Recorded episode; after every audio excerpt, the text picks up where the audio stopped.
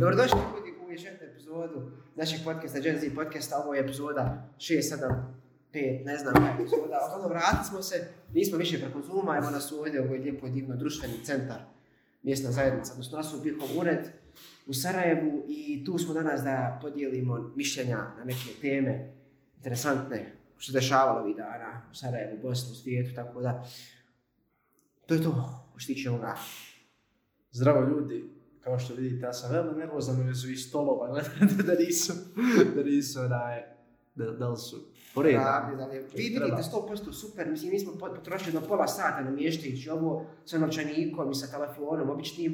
Da. Tražili smo tripod u STC-u jedno dva sata, niko nema tripod za telefon, naručili smo kakav tripod, tako da sljedeći podcast će biti preko tripoda snimanja. I u BBI centru smo tražili. Da, ali nema, nema BPC. Ne, negdje, samo u Zenici smo na kraju našli ovaj čovjek, jedan što ima radnju u STC-u, a ima, ima tripod u Zenici, nema ih ovdje, tako da smo naručili te tripod. Ako nas slušate sa Spotify, ne znam nija koje već platforme, ja sam nam je available na Spotify, na Google Podcast. Bilo je malo ubagirano, neko vrijeme sad radi, tako da ljudi audio verziju možete slušati na svakoj platformi, dosta, bukvalno, ne mogu da to govorim.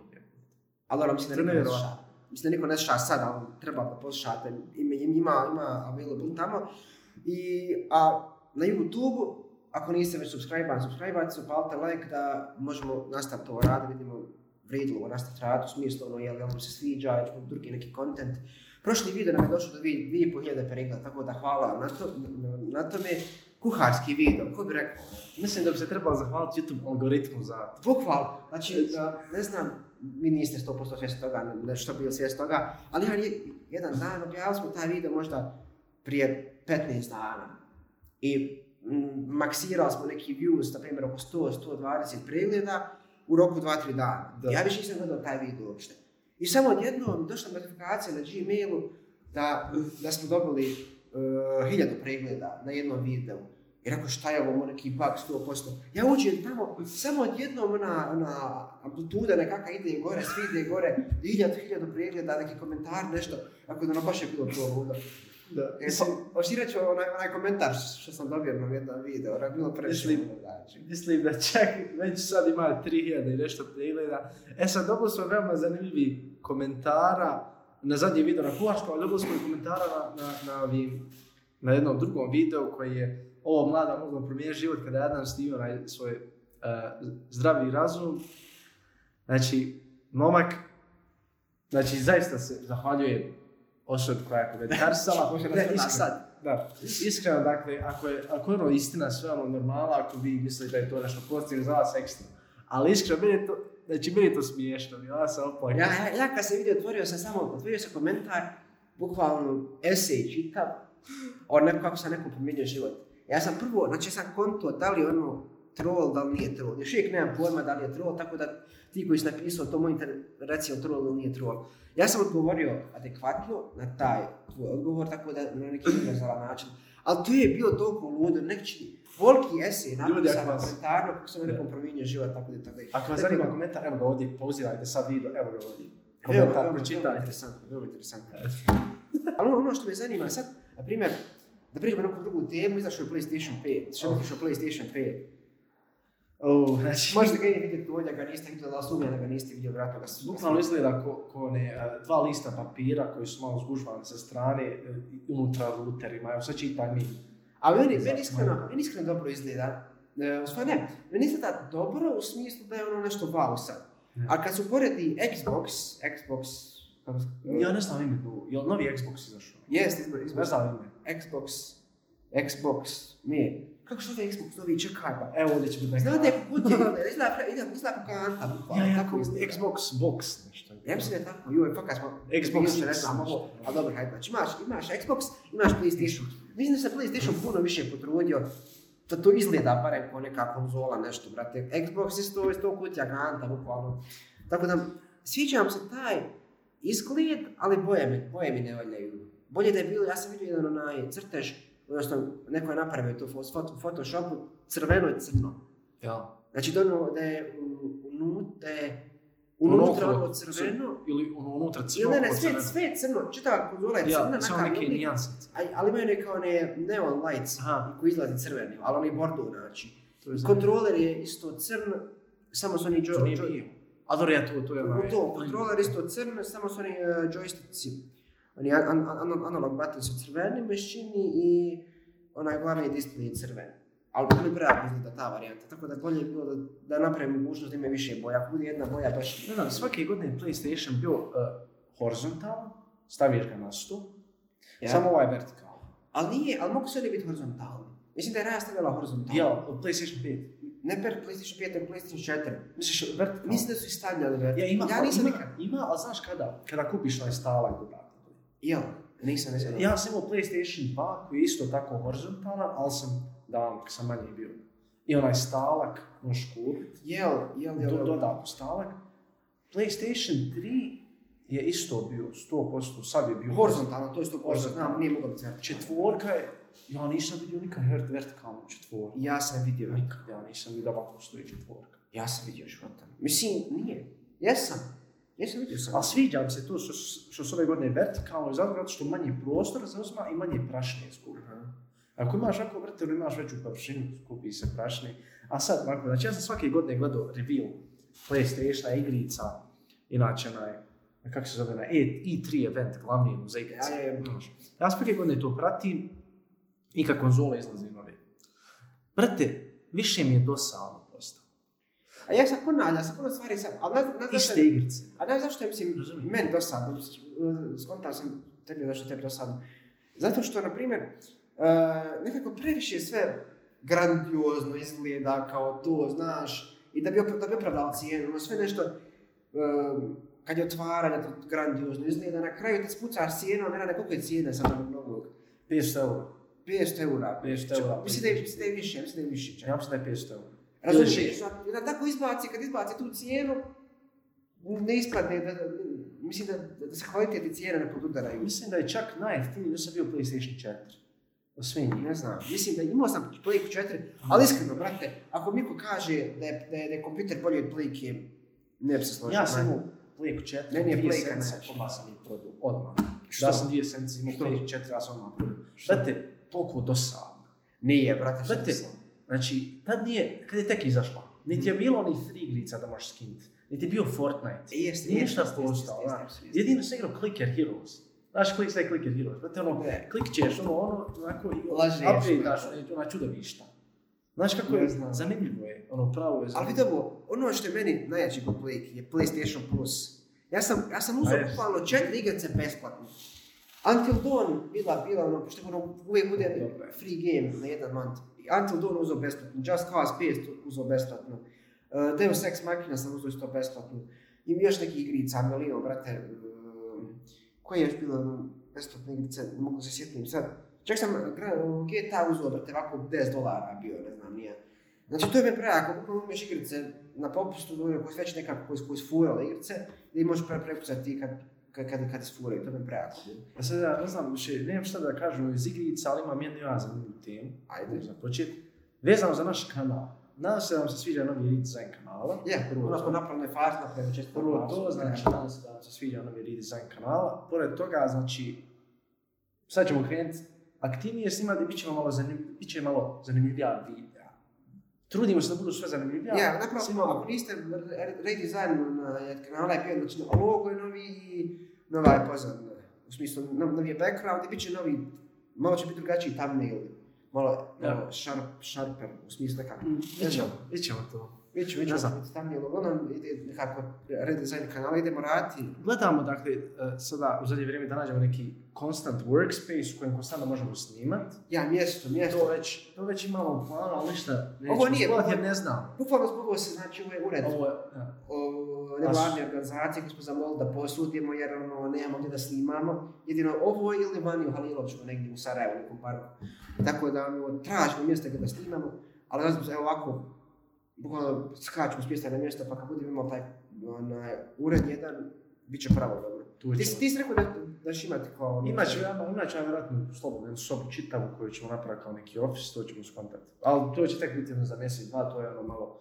Samo treba da nas podržite, da vidimo da fakat se treba, ono, da li, ovo, da li ovakav e, način kontenta odgovara vama. Nama se sviđa, ovako možemo davati mišljenja, podijeliti mišljenja, gdje ne možemo drugačije da radimo. Primjer, nemaš ni jednu drugu platformu koju možeš da podijeliš ovako mišljenje jedino pisanom verzijom, a ovako je puno lakše da se artikulišemo. ono. Mi ovo volimo, nama je ovo, meni je ovo odmor, za meni je ovo zanimljivo, dajem neki, neki osjećaj uh, odgovornosti, sam odgovoran za nešto, za kanal i zato me ono nekako to konstantno gura, bez obzira na neki uspjeh toga, jer ono, ja fakat nikad neću odustati. Na primjer, ono, ja sam takav da nikad ne odustajem od stvari. Pa Jedino pogotovo ako se sviđa, pogotovo se sviđa, brate. Ja, ali jedino ako nešto spriječi, na primjer da odustanem od nečega, ono, Pa ja, ako ima neke druge Ja. obaveze u smislu da, da, da, da ti bude onaj, ne. uh, da te okupira to puno pa da moraš ustati, ali dobro.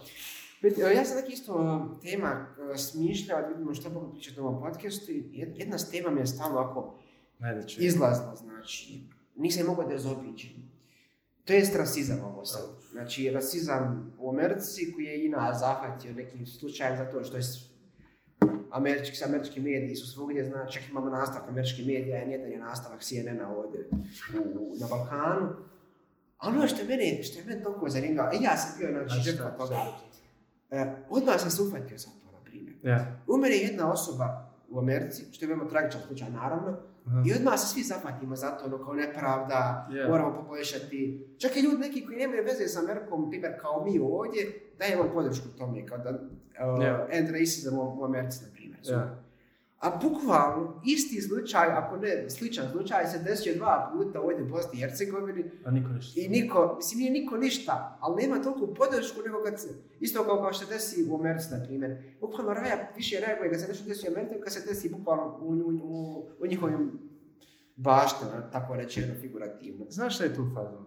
Ljudi se vežu za vozove. Yes, bad.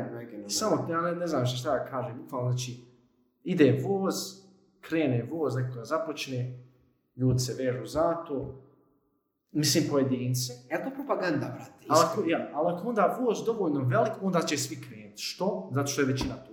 Da. Razumiješ? Efekat masa, ono, kao... Brate, bukvalno. I, i, al, al ne valja, to, znaš zašto? Ne znam što to ne valja. Zato što e, mislimo da radimo nešto dobro i radimo nešto dobro, primjer. E, taj tragičan slučaj koji se desio u Americi, mi ispravljamo nepravdu. Ali, e, da li vrijedi ispravljati nepravdu u nečoj drugoj zemlji kad nepravde imaš više u svojoj zemlji? I bukvalno utječe ta nepravda na tebe. Može, može sljedeći dan da ti budeš u toj nepravdi u kojoj su bili, na primjer, Džana Mamić, David Dragičević i tako dalje, ti, e, ti slučajevi koji još uvijek nisu razjašnjeni što se desilo i ne žele, izgleda da, da, da e, određeni ljudi ne žele da bude razjašnjeno to što se desilo. Tako da, meni više logike ima da se mi borimo oko toga, nego da se zamaramo da li crnci imaju pravo Americi ili nemaju, da li je rasizam tamo ili nije tamo rasizam. Tako da ono, Ne. to je interesantno, vid, e, interesantno je bilo gledati te ljude kako oni to rade, i, ka- kako se oni hvataju za taj voz, i kako uskaču taj voz, a bukvalno drugi voz koji je u našoj državi, ko niko niko ne uskače taj voz. Znaš šta je fazon tu? Znači, ja sam se dosta ispitivao što se tiče tog, tog pokret to što se dešava sad u Americi. Imao sam dosta rupa u mišljenju i dosta neki, kako da kažem, nisam imao nekako fino mišljenje od toga. To je mene baš nekako pogodilo tad, kad je on tek počeo, malo sam tad drugačije razmišljao, onom fazon je bio, onaj, e, ja sam mišljenja, na primjer, all lives matter. Znaš, Ja. ono ima, ima bukvalno, to je ono kao, e, Je. svađa između dva Da, to se politiziralo, kako kažeš Black Lives Ja. Matter, ti si Ja. kao dobar, znaš, Ja. ti nisi rasista. Ako kažeš All Lives Matter, ti si rasista, ti si bijelac, ti si white privilege, tako da. Da, Mislim, znači- barem je tako u Americi. Ja. Evo, znači, jedna- poznata ličnost koja zove Billie Eilish, ako ne znate ko je ona je pjevačica, veoma poznata, mlada iz Amerike, koja je napisala jedan post na Instagram, uh, koji je veoma poznat, u kojem je ona napisala da kogod napiše All Lives Matter, ili ti ga svi životi vrijede, da on onaj, uopšte, da, da on bukvalno uh, pravi to da je to nešto ko, da se njemu dešava, razumiješ? Da, Kaže, uh, trebamo govoriti black, all, black, black lives matter trebamo govoriti, kao crni život, vrijed, ne bijeli, ne, all lives matter, iz razloga zato što, bukvalno, o, ovo je primjer koji svako navodi. da, Znači, imaš dvije kuće. Uh, svoju kuću da, i kuću od uh, komšije. da. Uh, gori kuća od komšije, da li ćeš ti reći, da li ćeš ti doći pomoć da pomogneš komši ili ćeš pomoći sebi. E, pazi. A to je glupo. Ne, ne, slušaj, To je glupa moram, moram reći, moram reći na to. Moram, moram reći na to. Znaš, ali znaš je tu um, pretpostavka? Da je kuća od bijelaca uh, popravljena, lijepa, Ja. fina, bašta, znaš, razumiješ me? A da je kuća od crnaca uništena i Ja. gori, razumiješ me? Ali statistički gledano, na primjer, nisu svi bijelci privilegovani, nisu svi crnci nepri, pri- neprivilegovani. I to ide onda sada u, tu, tu svađu, da je u stvari e, klasicizam, odnosno klasizam, to je ono, imaš rasizam, imaš kao rasizam po klasama, Ja. razumiješ? Ja sam više na to, e, mislim, baš je glupo komentarstva zato što nisam u Americi, nisam Ja. bijelac takve vrste, ali ono što ja vidim ovdje, da je to pitanje više klase nego rasizma. Ima tu rasizma, nego je pitanje više klasnog statusa. Ono, rich versus the poor u smislu. Ja. Ne, ne toliko ko što je ras, uh, bijelci versus crnci. Na primjer. Jeste je bilo, uh, taj uh, incident je bilo bukvalno ono, mm, Ja. policajac je gužio tog čovjeka i baš je bilo to užasno i da trebalo da se to ponovi, ali onda su tu neki drugi ljudi iskoristili da čitava situacija prijeđe u anarhiju bukvalno, znači u, Ja. u lutanje, uništavanje biznisa i tako dalje, tako dalje. Onda je otišlo to u nekom drugom pravcu. Ali ono što je meni interesantno, ono što ti rekao, bukvalno, e, ovi ljudi koji podržavaju Black Lives Matter, oni kažu e, crnački životi e, će vrijediti, odnosno svi, svi će životi vrijediti onda kada je crnački životi budu vrijedni. Razumiješ? A, A to, to ja. ja. ovi All Lives Matter govore da svi životi vrijede equally, razumiješ? Ja. A ovi, ne, mo- ovi kažu ne smije, ne mogu svi životi vrijediti equally, a dok i crnački životi ne budu vrijedni kao i ostali, Ja. razumiješ me? Konta, a znaš šta je fazone?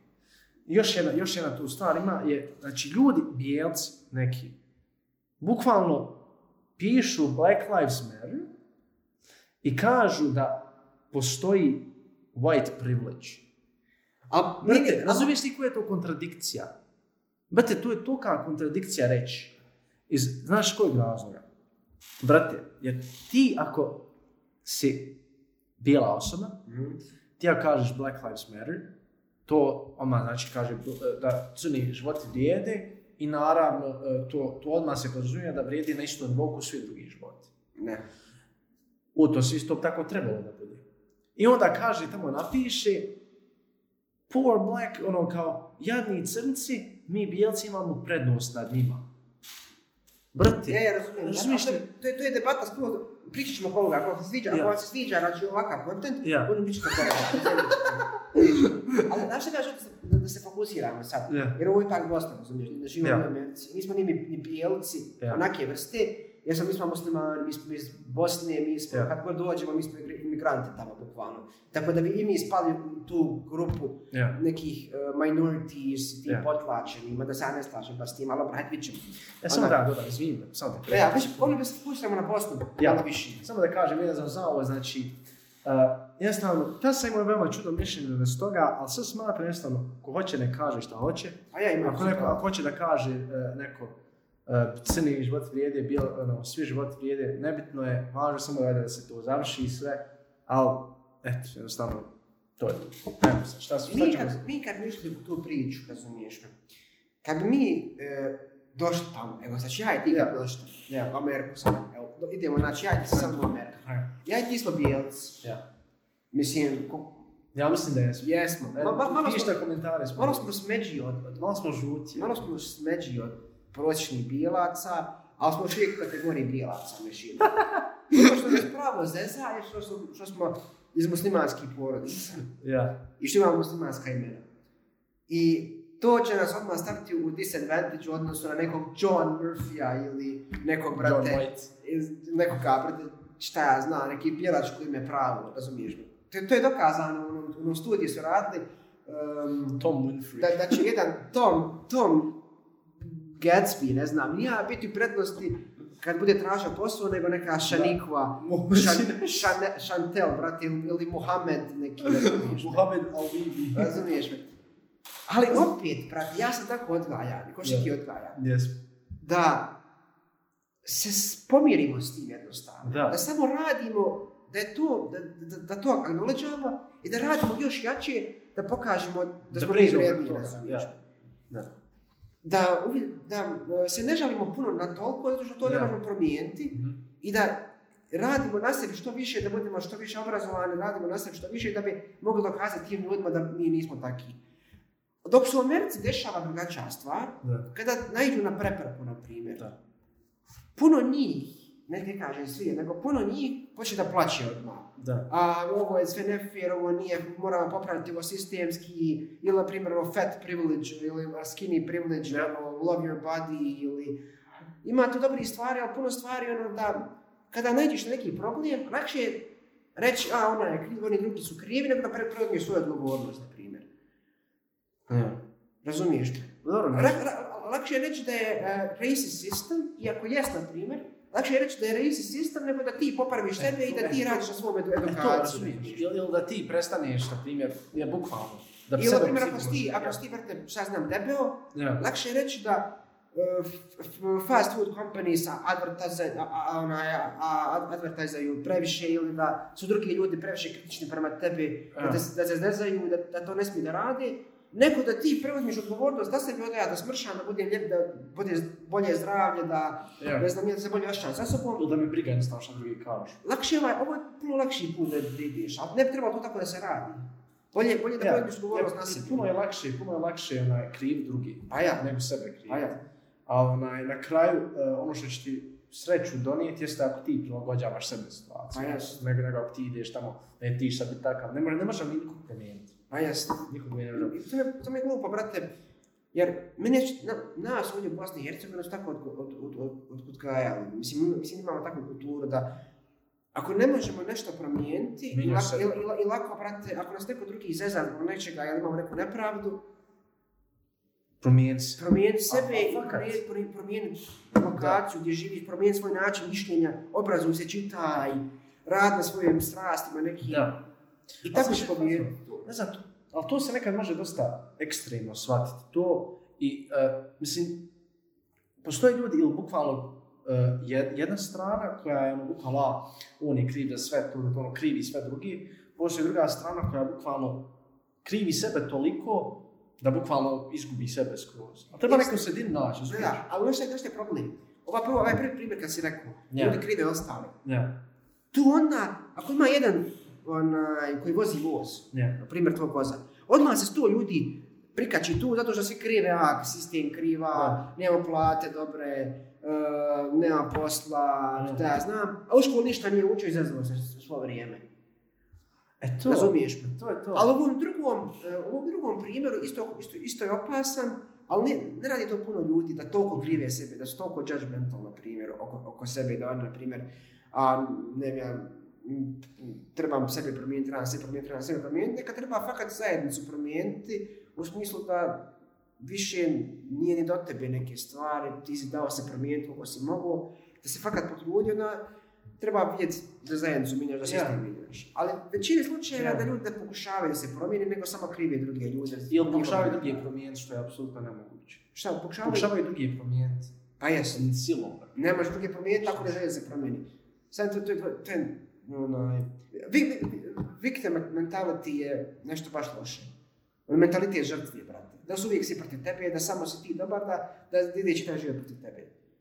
I to je ono što ne želim, ne želim, onaj, ne želim da, da, da druga, drugi ljudi onaj, developuju taj mentality, već je bolje da, da ti promiš odgovornost na sebi, da popraviš stvari koje kod tebe nisu dobre i da je... Ne znam, ja sam zadnje vrijeme dosta ono, čitam knjige o stoicizma. Čitam dosta Jest, stoicizma koji je. Stoicizam je dobar, baš vezan za ovo, jer bukvalno stoicizam je po definiciji, znači živjeti u uh, kao ono, sla, u slaganju s prirodom. Da, da, da. Da se ti slažeš s prirodom, bukvalno kao što ti priroda nalaže, tu da prihvatiš. Ili, na primjer, bukvalno prošlost ne postoji, ili šta ja znam, ne postoji budućnost, nego e, bukvalno, znači ima ovako jedna vježba u stoicizmu koju ja ne praktikujem, ali pravo je zanimljiva. Na primjer, sjedneš, zatvoriš oči i zamisliš sve moguće loše situacije koje se te mogu desiti u. Iz razloga zato što kada dođeš do te situacije, bit će ti manja tad, Da. manji će, manji će to na tebe. I znači, to eto, sad opet se prebacujem na drugu temu, ali nema veze, ono, ja sam uvijek bio op- optimista. Uvijek sam ja vjerovao, na primjer, sutra će biti bolje, ne znam, Jeste, e, je- će to desiti. Što je apsolutno ono, ja smatram da je to dobar mentalitet, znaš. To je I najbolji mentalitet. Znaš zašto je to dobar mentalitet? Ja, Zato što samo tako može, može opstati društvo. ja, Jer, e, koja je drugačija opcija? ja. Da si negativan? Da, da, da si bukvalno pesimista, da će sve umrijeti, da ti tvoj život ne vrijedi ništa, da ti nemaš nikakvu ulogu. I da bukvalno svako sjetiš, ništa ništa ne radiš. A po stoicizmu to je to. Po stoicizmu je ne- negativnost, bukvalno, ono, kako da kažem, uh, guraju.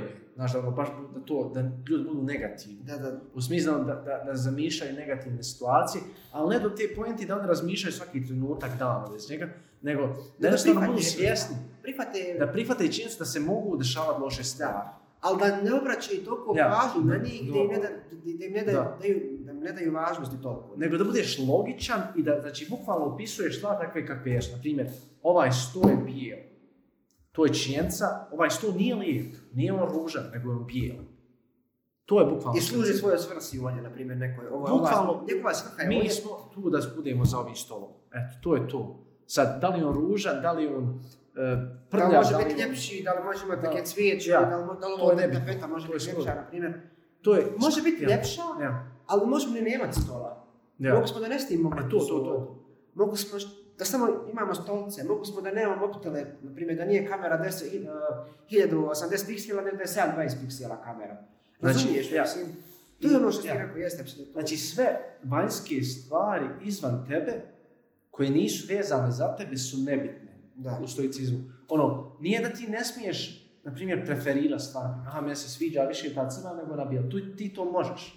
Ali nije to ono što najviše, najviše bitno. Jest. Ti ćeš To potruditi, na primjer, ako Ja. mi želimo ljepši stol, ili ako želimo bolju kameru Ja. ili bolje uslove, Mi ćemo se mi ćemo se potruditi. Ako ne uspiješ, Ako ne uspijemo, ne vez. nema veze. Mora to Ali mi ćemo se potruditi. E, to je to. E pa to je to. E, to je bukvalno, to, to, to mi je sad nekako se osvrćim, gledam da, da taj nekako mentalitet zauzme. I to je ekstremno. Ali znaš interesantno, E, mi smo to na neki način znali prije, A jesmo, ali... ali, to, ali nismo znali Ja. da to stoicizam, razumiješ. Mi smo Ja. tako učeni bili, primjer, od roditelja, Odgajani. da.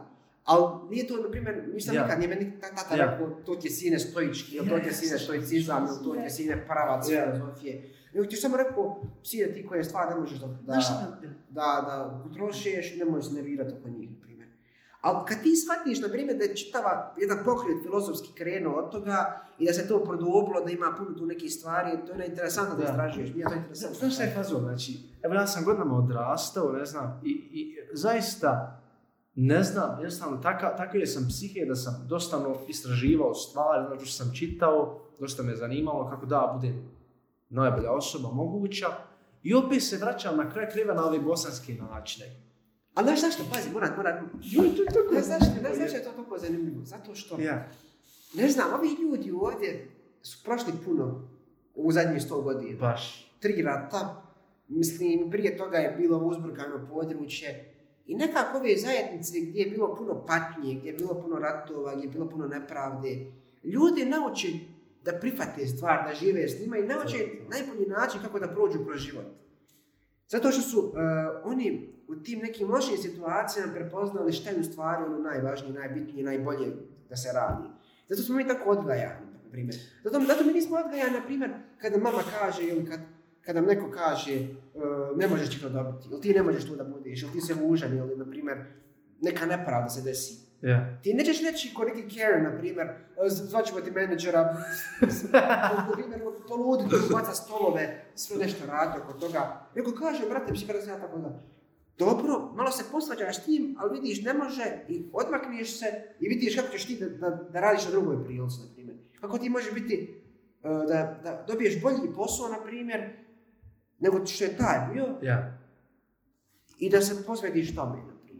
I to Ja. je taj uh, neki kontrast tom victim mentalityu, taj neki stoicizam, da prihvatiš šta je, šta je tvoje, šta je tvoje i da radiš na sebi. Bukvalno su bo- bošnjaci bosanci. Ja, ja, čekaj, samo da, da zastavim. Šta je razlika između bošnjaka i bosanaca? Zašto ga rasti? Mislim, ne znam ja, mislim, znam, ali ne znam je li to historijski Prvo to tačno. da, prvo to da ima, pitam, ima da- sad definicija jedna koja je uh, uh, definicija bošnjaka bosanaca, koja je sad prihvaćena, ali historijski to nije e, tačno. Mhm. Nije to tako bilo u stvari, a sad je malo to promijenjeno. Znači, bošnjaci su Aha. muslimani, odnosno ljudi koji Bosanski žive- muslimani. bosanski muslimani, Dobro. da. To je narod koji se ne veže baš striktno za Bosnu, kojega ima i u Sanđaku, kojeg ima i u Crnoj Gori u. Sanđaku, da ima u Turskoj, ima ih u Albaniji. Znači, e, to je su narod koji se veže za Osmansko carstvo, koji je u novim područjima bio ovdje, koliko sam ja shvatio. To su bošnjaci, znači bosanski muslimani su i Aha. bošnjaci. Je.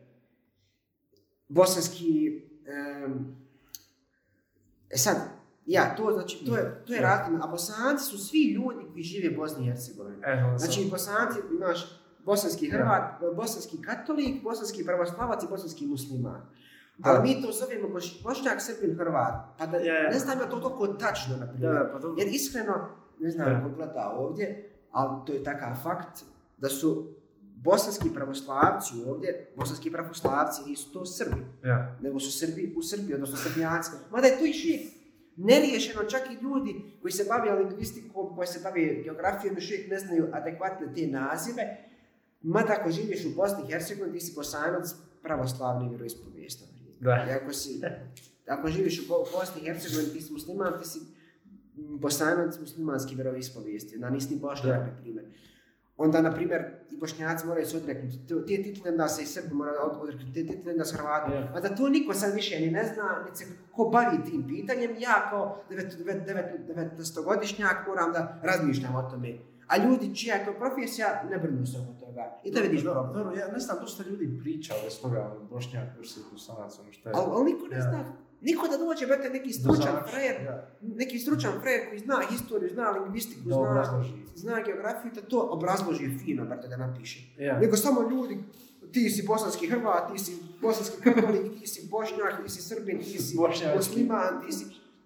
Svako ima neku drugačiju definiciju toga. Ja, da se nadoveže ono što sam krenuo da kažem, Ja, uh, mi, Bosanci, smo ja bosanci, su bosanci. nekako po, po prirodi stojici jebote. Stojici. Pa kako nismo, brate, Pa iskreno, iskreno, brate. Pa. Zamisli da se Americi desilo ono što se nama desilo zadnjih 100 godina. Da se Americi desilo nešto. Da. Ah, ti. Brate, oni bi sad, oni bi, oni bi, ja mislim da, da, ja mislim da ne postojala Amerike, da, da, bi, da bi sve spaljeno bilo mešini. Brate, znači, od Austrougarske aneksije do 95. godine je prošlo 100 godina otprilike, mislim čak tačno 100 godina možda. I dan danas mi, brate, živimo ovdje. Da li je to neznanje i glupost, da li je stoicizam, ne znam. Ali činjenica je da smo smireniji nego što bi trebalo da budemo A smireni. baš jesmo, nekako općenito kad, kad zamisliš, makar ja, ne, nekog bosanca stereotipičnog, ono, briga ga za sve, ono. Samo da je, samo mu je stalo, dobro, možda, možda, ono, nije neki idealni, neki s- stoik, bosanac, taj neki stereotipični, ali u biti, ono, bukvalno ne stresa se bez ničega. Nego dođemo u neki problem, naljuti se, odmah prođe, razumiješ? Nije- Da, jest, jest. I- ne, ne znam, ti interesantna je ta psihologija bošnjaka, A bosanaca, jest, kako ne, reći jednostavno kaže. ne razumije, ne, ne možeš je razumit, ali ono, mislim, možeš je razumit, ali teško je to ono nekako zapisati. Možda bi, ono da, Jer mi smo navikli, brate, da nas nekog gazi izgleda. i da nas kazne ljudi. da nas, ja, Bukvalno, da, da, da si nebitan u očima drugih. i ti živiš s tim. Zato što, evo, Ja. znači, bukvalno, bili smo pod, pod, okupa, pod okupacijom, a neki su, ne znam, i Osmanskog carstva pod 500 godina. Nas je bio pod, eh, pod, pod, pod vlašću Aust- Austro-Ugara 20-30 godina. Pa si onda bio Nisi, onda si bio, brate, pod kraljevinom Srba, Hrvata i Slovenaca, pa si onda bio, eh, ne znam kako dobro redoslijed, izvinite na historiju, bio si pod, pod, pod, NDH, nezavisnom državom. Hrvatskom, u drugom svjetskom ratu, pa si onda bio pod kraljevinom Jugoslavijom, pa si onda bio pod eh, socijalističkom republikom, nije, socijalističkom, s, socijalističkom federativnom s, republikom Jugoslavijom, u socijalizmu jednih 60 godina, onda si sad pod nezavisnom državom Bosnom i Hercegovinom. Znači, bukvalno toliko stvari se promijenilo, a ovi ljudi još uvijek ono, kod da se ništa nije desilo. Dobro, kao što, kao što čujete do sad, ovaj podcast nešto sad trenutno, nešto veoma ono, nasumično pričamo o random temama, ako vam se ovo sviđa ovako, pišite, mi uživamo. E, znači skačemo dosta s teme na temu. Bukvalno ću i sad skočiti na jednu drugu temu koju sam malo, koju sam malo prije predložio. Mislim koju si rekao, Mhm. Jugoslavija. Slavija. To je, Jo, ček, aj- ajmo malo, ovo je, znači sve, sve, sve, sve, tema, sve teme jedne. razumiješ, Isto možemo u drugim podcastima ovo pričati i treba da pri- Hajde malo da se dotaknemo. Velika, velika tema, znači, velika. Ali možemo malo se dotaći. Znači, ja sam neki dan bio uh, na kafi sa svojim mentorom, uh, koji mi je rekao, dakle, ispričao mi dosta stvari vezano za ovaj, za Jugoslaviju, kako se prije stvari dešavali. I zanimljivo je, znaš šta su oni radili? Primjer, postoji Kinder čokolada. Nije. Tada ili sada? Tada, normalno Jugoslavija, postojala je tada, ne znam, negdje, ja ne znam, mislim da je američka ili njemačka. Njemačka, Njemačka Njemačka. Znači, oni nisu uvozili ništa Jugoslavije. Oni su rekli, uh, dajte nama, recite nam kako se pravi čokolada, mi ćemo praviti svoju kinder čokoladu, da ćemo vama procenat. I oni su napravili kinder ladu. Ja mislim, tako, tako se ta zvala kinder čokolada, kinder lada se zvala. I tako su on za sve radili.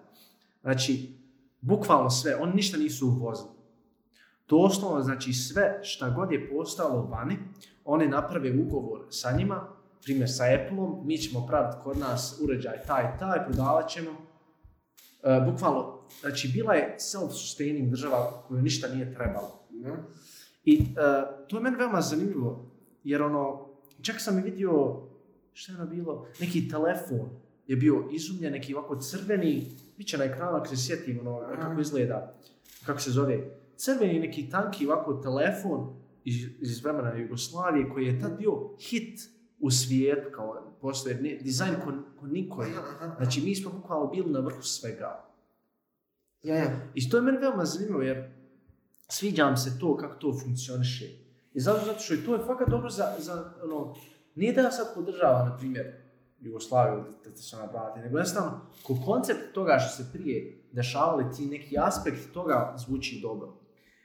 Znaš šta, to ti je, to zavisi š- koji, koji je, šta vrijedniješ više. Ekonomija. Da li vrijedniješ Da. više, da li vrijedniješ više e, personalnu slobodu i da se Ja. vlada ne petlja u tvoj privatni život i da li vrijedniješ više ekonomsku stabilnost, nemaš puno e, prostora da se pomiraš na nekom toj hijerarhiji ekonomskih statusa, da, da dobro živiš, ali da ne možeš puno da se pomiraš. Da nemaš, Ja. da nemaš Ja. za Merkez, da nemaš, da ne, da, Ja. razumiješ me, znači ima tu neku individualnu slobodu ili sigurnost, ali nemaš puno slobode u smislu nekome.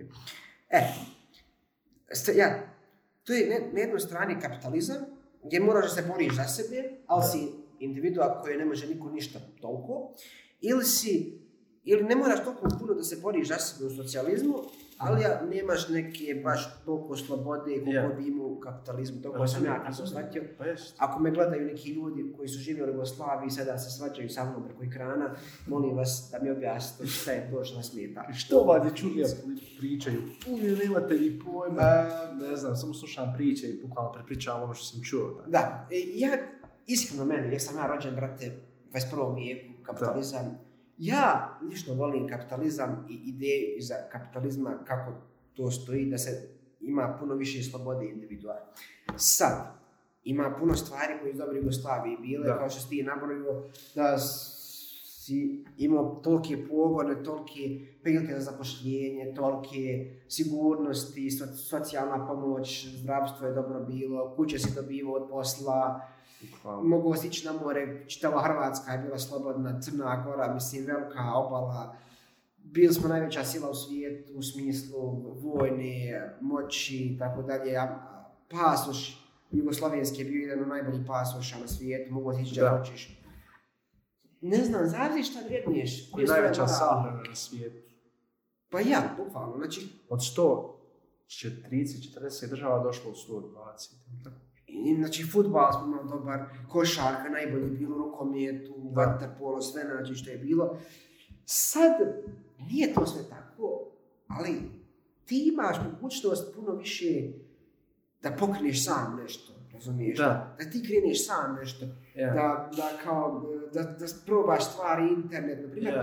Da internet bio tada u Jugoslaviji, pa sada, mislim da mi ne bi imali Facebook, ne bi imali Instagram, Bukvalno ne, ne bi bilo zabranjeno. Da, zato što, nije, nije, nije komunizam bio Jugoslavija, bio socijalizam. Ali ja mislim da ne bi bio moguće Facebook imati ni Zato što, zato što sve te mreže promoviraju kapitalizam. Promovira kapitalizam, a i I špionaž, i špionaža, brate. Ja. I, na primjer, uh, u Kini ne možeš imati Facebook, imaju svoje neke mreže, u Saudijskoj Arabiji ne možeš imati neke određene društvene mreže i tako dalje. ne, ne znam, sad, e, čekaj, u Jugoslaviji, ja nisam dobar sa tim stručnim nazivima, Mhm. Znači u Jugoslaviji je bio komunizam, jel? Socijalizam. Socijalizam, pokušaj kapitalizma, tako? Ne, Ne, po, pokušaj e, komunizma. nije pokušaj komunizma, nego to kao bolji komunizam. Komunizam je baš ona, opre, re, re- represivan sistem, Ja. a socijalizam je kao malo, malo, malo bolja Ja. verzija toga. E sad, ne, ne znam jel, jel se to isto veže, na primjer, ako sad napuštem neku firmu, u Jugoslaviji tada, ja čitav život radim za tu firmu. I to, meni se sviđa toga, ta odanost, razumiješ? Ja ne, ja ne više baš to. tradicije, više kulture. Ja ne volim baš to, jer sam onda... E, to, to, to, to je primjer- takav čovjek. A pa ja, ali to na primjer vrijednosti koje, koje Ja. imaju bez socijalizma i komunizma. Primjer, ja ne volim da čitav život jedno isto radim, da imam Ja. jednu istu kuću, da imam jedno isto mjesto gdje idem, Ja. jedno isto mjesto. Ljudi su to neki voljeli. Ja, To je pu- puno, puno bolje za osnovati familiju, na primjer. da, I to je puno lakše da, u socijalizmu osnovati familiju nego u kapitalizmu. da. Puno bolje. Ali ja ne mogu biti o, omeđeđan tim nekim uh, jednim istim poslovima, jednim Ja. istim putanjama. Volio bi da putujem, da, radim te stvari, Ja. da radim puno, A znaš šta je stvarno nešto u vezi toga? Kapitalizam sad trenutno, kakav jest u svijetu, Mhm. kako sada svugdje, znači mislim da je čak, mo- možda ima još neki, neki država koji ima socijalizam. Pa Ima Kina, bolan, imaš, Mislim da je čak, ne znam. imaš Kinu, komunizam, imaš, ima bolan, Ja. čitava, čitava Južna, Af- Južna Amerika je pod Ja. socijalističkim režimom. Fazor je znači ono... Ovdje, ovdje kod nas, ništa prekidam, ovdje kod nas nije baš toliki kapitalizam uh, kao što je u Americi, ovdje je kod nas socijalna demokratija, Da. ali pričat ćemo toga, ajde. Da li ima više mjesta za tradiciju u socijalizmu nego u kapitalizmu? Koja tradicija? Bilo koja. Jer ono, Jer je socija- ali sad, prvi, ne, ne. više je u kapitalizmu i ću zašto se. ajde, Zato što so- socijalizam je jedna partija, komunistička partija. Dobro. Socijalizam je znači, nema, nema mjesta religiji, ja, javno je religija, ima privatno, ali nema javno ispoljavanje religioznih nekih stvari, onaj, e, nema mjesta toliko to u takvom sistemu, znači religioznih misli, samo jedna, znači jedna partija, komunistička partija i to je to. I u državnom, državnom sektoru samo može biti komunistička partija. To je jedna partija, partijski sistem. Nemaš ti pravo da biraš nekog drugog i nema niko drugi da biraš, samo socijalistička partija, komunistička partija Jugoslavije, tadašnja. Više imaš mjesto u kapitalizmu jer si više slobodan čovjek, ima više mjesta za ispoljavanje tih nekih slobodnih. Na primjer, LGBT populacija u socijalizmu ne postoji. Mislim, postoji, ali nema, Ja, para- ne- ne, ne- ne, nema parada, nema, ali, Jer- ali nema ni, ni bajrama javnih, nema ni javnih božića, ima individualnih, ali nema ko što sad, na primjer, na sva vrata, razumiješ? ne znam, eto, meni se, meni se ti neki aspekti sviđaju tog socijalizma, ali znaš šta je fazor jedin?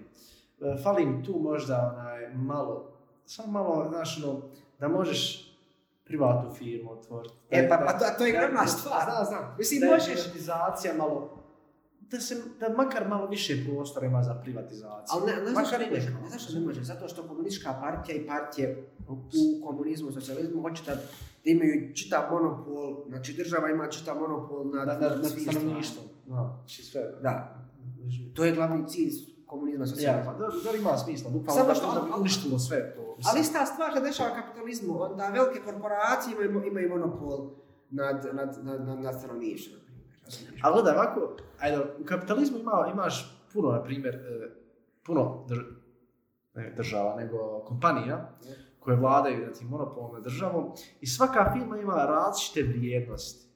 Yes. I, one se konstantno mm, borba, borba, borba, Mm. ovaj, ovaj bolji, ovaj nije bolji, ovaj bolji. A u socijalizmu je ono tišina. Zašto? Jer, jer, jer sve isto. Harmonija. Jeste, jeste. Nek Jeste. tako nešto, ali opet jedno i drugo ima nekako svoje uh, ono, mane i tako da opet na kraj krajeva ono, šta je, šta je, šta je, nema šta je slobode govora, nema slobode govora u socijalizmu. Ja vidiš, Nema slobode izražavanja u socijalizmu. ima ti dobri stvari, opet na kraju ono nešto ti dođe ovo, znaš da nema šanse, razumiješ.